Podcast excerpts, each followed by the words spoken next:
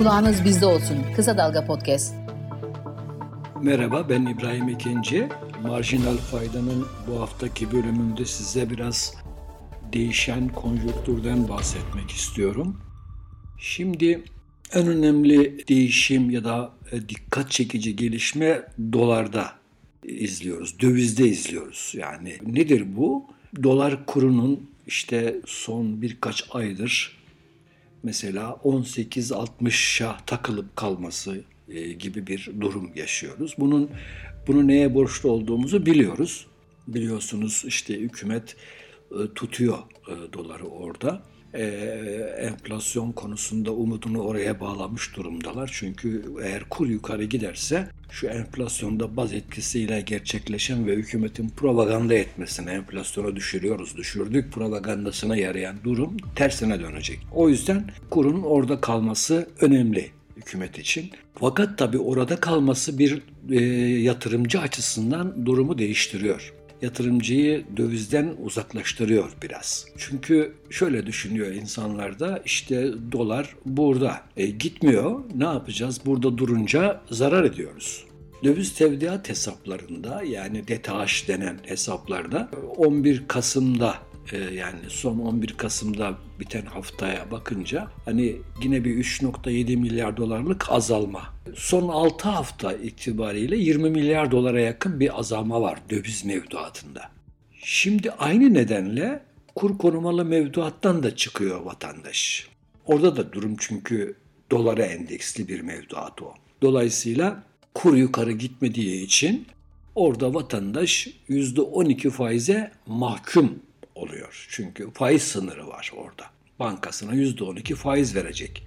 Kur artarsa, hani daha çok artarsa kur farkını ödeyecek e, Hazine Merkez Bankası. E, şimdi o da olmuyor. Dolayısıyla kur korumalı mevduatta da bir e, azalma var. En en yüksek nokta 1 trilyon 475 milyar liraya kadar çıkmıştı. Son baktım 1 trilyon 465 milyar lira olmuş dolar cinsinden de yani 79.8 milyar dolardan 78.8'e yani 1 milyar dolarlık bir azalma olmuş. Nedeni aynı dediğim gibi. Hem döviz mevduatında da olsanız aynı durum var. Kur gitmiyor. KKM'de de olsanız durum aynı. Kur gitmiyor. Dolayısıyla buralarda ne yapıyorsunuz? Döviz mevduatında zaten dövize çok düşük faiz veriyorlar. Zarar ediyorsunuz. KKM'de durduğunda da durduğunuzda da 12 faize, %12 faize mahkum oluyorsunuz. Şimdi dolayısıyla buralardan bir çözülme olduğunu görüyoruz.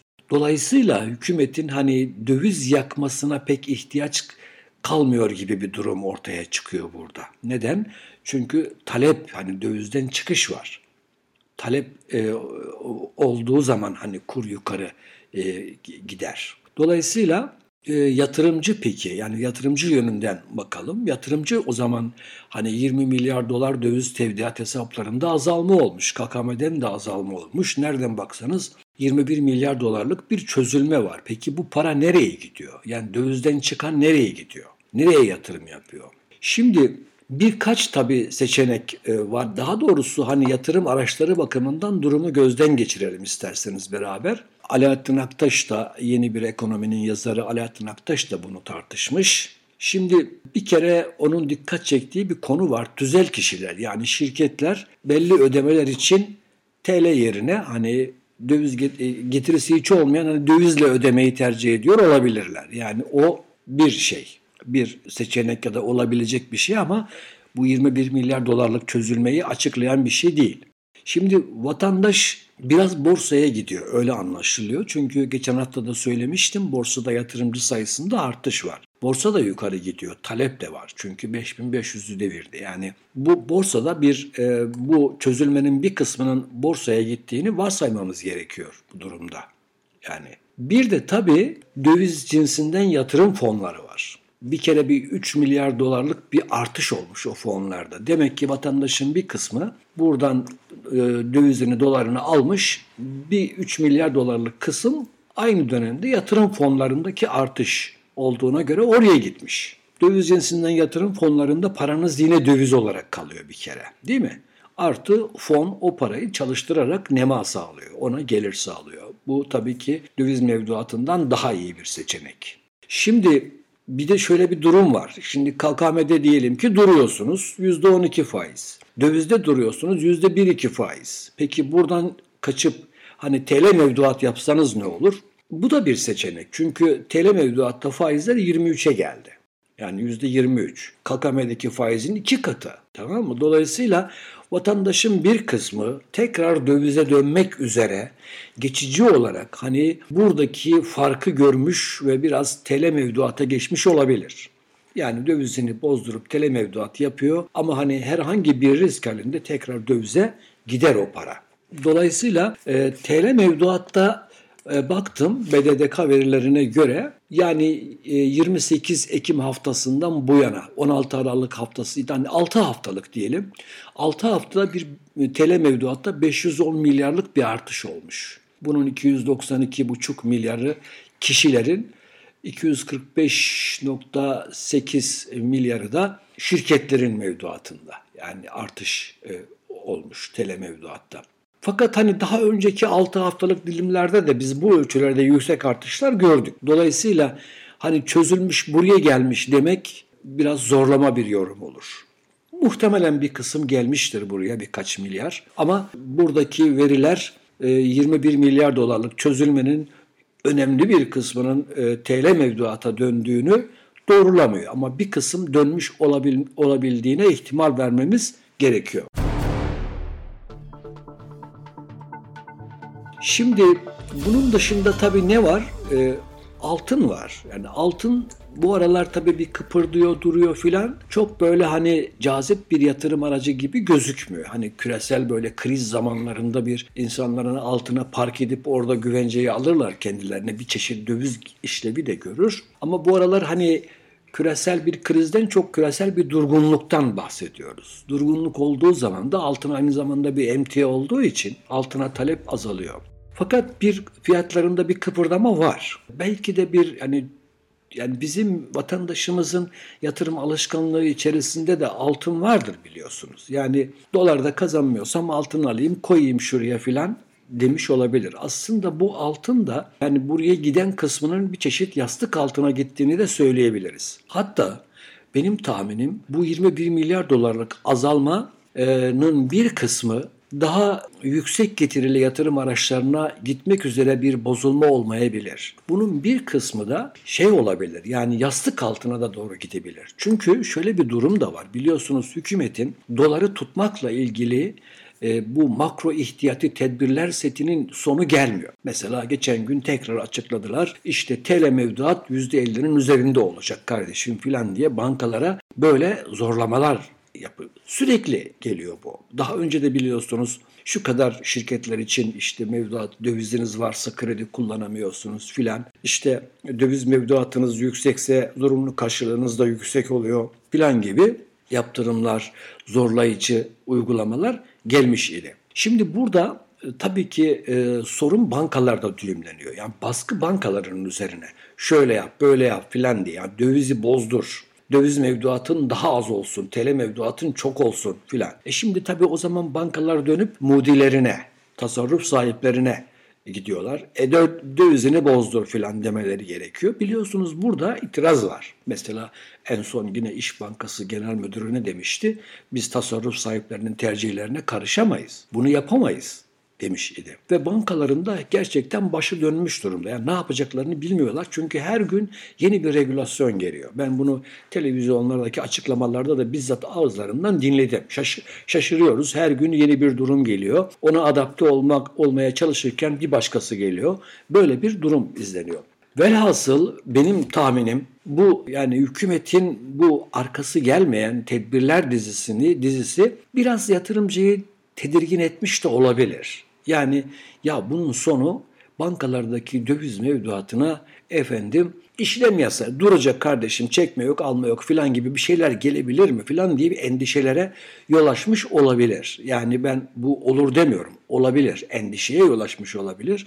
Ve bundan dolayı da bir kısım tasarruf sahibi ben en iyisi çekeyim dolarımı yastık altına koyayım. Bu memlekette hani dolar durmaz efendim Dolayısıyla ben hani biraz garantiye alayım. Dolayısıyla bu 21 milyar dolarlık çözülmenin belli bir kısmının yastık altına gittiğini, ufak bir kısmının altına gittiğini, ufak bir kısmının daha yüksek faizli olduğu için KKM'den filan iki kat faiz var. TL mevduata gitmiş olabileceğini düşünmemiz gerekir. Ama herhalde en ciddi payı borsa almıştır.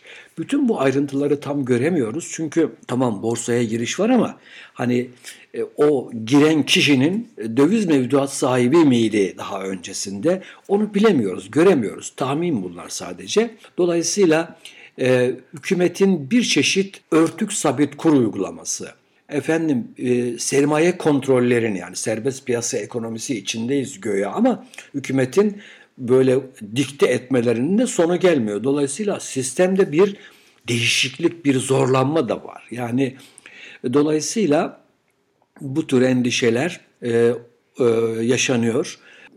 Mudiler endişe içerisinde tabii paralarını korumak istiyorlar. Daha önce söyledim hani arsa borsa. E, borsa devam ediyor bir seçenek olarak ama hani arsa tarafında o kadar ciddi bir seçenek olduğunu söyleyemiyorum. Çünkü birincisi e, mesela son verilere göre konut fiyat artışlarındaki artış hızı enflasyondaki artış hızına yaklaştı. Yani artık orada bir e, çok karlı konut fiyatları aldı başını gidiyor gibi bir durum izleyemiyoruz artık. Bir de tabii dediğim gibi konut herkes için, her yatırımcı için bir seçenek değil. Çünkü büyük meblalar gerektiriyor. Bizim derdimiz ise küçük tasarrufçu ne yapıyor? Yani 100 bin lira, 200 bin lira, ne bileyim 10 bin dolara, 20-30 bin dolara olanlar ne yapıyor? Yani onlar. Büyük yatırımcı borsaya, arsaya yatırım yaptı. Orada fiyatlar bir doygunluğa ulaştı denebilir. Dolayısıyla orası bir seçenek olmaktan e, çıkıyor gibi geliyor bana. E, ama hala yani bir kısım yatırımcı bunu fark etmemiş olabilir. İşte o hani yaratılan havanın havaya kapılarak hala hani arsa borsa alanlarda olabilir yani. Ama durum bu.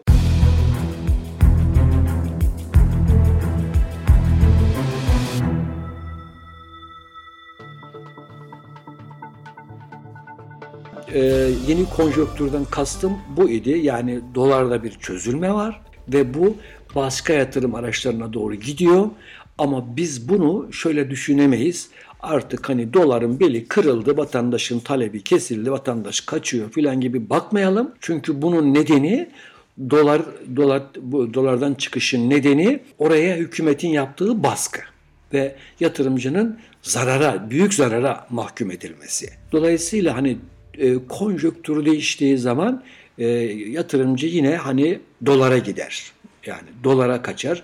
Bunu bankalarda döviz mevduatı olarak tutmasa bile yastık altında tutar. Ama hani dolar hala bugünkü Türkiye koşullarında yatırımcı için hala bir sığınma noktası olarak gözüküyor. Birkaç laf, laf da asgari ücret için edeyim. Çünkü e, bunları tabii açıklandı 8506 lira filan çok büyük bir artış gibi anlatılıyor. Ama e, şöyle düşünün bugün açlık sınırı 7785 e, lira. Aylık olarak %3-3 artsa mesela mesela bakın Aralık ayında 8018 lira e, olacak Aralık bitince. Bir %3 daha artsa 8258 lira olacak 2023'ün ocağında.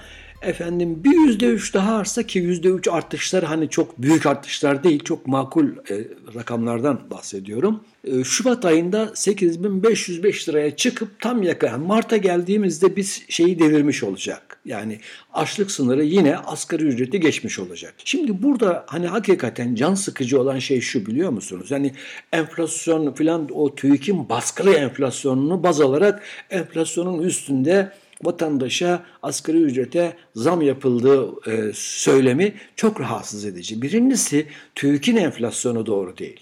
Sadece mesela TÜİK'in enflasyon rakamları içerisinde gıda enflasyonu yüzde yüz iki. Asgari ücret sadece karnını doyurabiliyor. Niye ona bakmıyoruz o zaman? Değil mi yani? Veya asgari ücretlinin sepetine özel bir sepet araştırması niye yapılmıyor? Bu vatandaş ne harcıyor, nereye harcıyor parasını değil mi? Bir, bir bu tarafı var yani işin. Bir de asıl sıkıntılı tarafı asgari ücretli açlık sınırı seviyesinde bir asgari ücret demek memlekette milyonlarca hanemizin, milyonlarca evimizin açlık sınırında yaşıyor olması demek. Bu başlı başına bir utanç vesilesi değil mi? Yani ben hep söylüyorum yani bir ekonomi, bir memleket yurttaşlarının yoksulluk sınırı üzerinde yaşatmayı vaat etmemeli mi? Yani bu fazla bir şey mi? Yani ben yurttaşımı yoksulluk sınırının üzerinde yaşatacağım demek lazım değil mi? Yani dolayısıyla burada hani Arnavutluk'tan bir, bir, bir biraz daha yüksek bir e, asgari ücret seviyesiyle övünmenin hani nasıl bir şey olduğunu doğrusu anlamakta zorluk çekiyorum. Tabi bu arada öğreniyoruz ki sendika, Türk İş yani asgari ücret masasında işçi tarafını temsil eden Türk İş'te bakanın bakanın açıkladığına göre bizzat ben kulaklarımla da dinledim. Demiş ki efendim 8 bini çok fazla geçmesin. Türk İş. Düşünebiliyor musunuz? Yani aslında asgari ücret masasında asgari ücretliyi, emeği savunan, dirayetle savunan bir temsilci de yok. Bu Türk işten hani bu şimdi çoğunun büyük sendika diye onu muhatap alıyorlar. Bunun değişmesi lazım. Yani bunun değişmesi için mücadele etmek lazım. Çünkü o işbirlikçi bir sendika gibi davranıyor. O bakın yani bir önceki e, e, şeyde de e, bakanın kulağına eğilerek bu başkanının işte meseleyi kapattım yoksa karışacaktı filan gibi hani laflarını hatırlıyoruz. Türk İş benim görüşüme göre emek dünyasına ihanet içerisindedir ve bu masadaki pozisyonu tartışılmalıdır. Bu haftalık bu kadar. Haftaya görüşürüz. Kendinize iyi bakın. Hoşçakalın.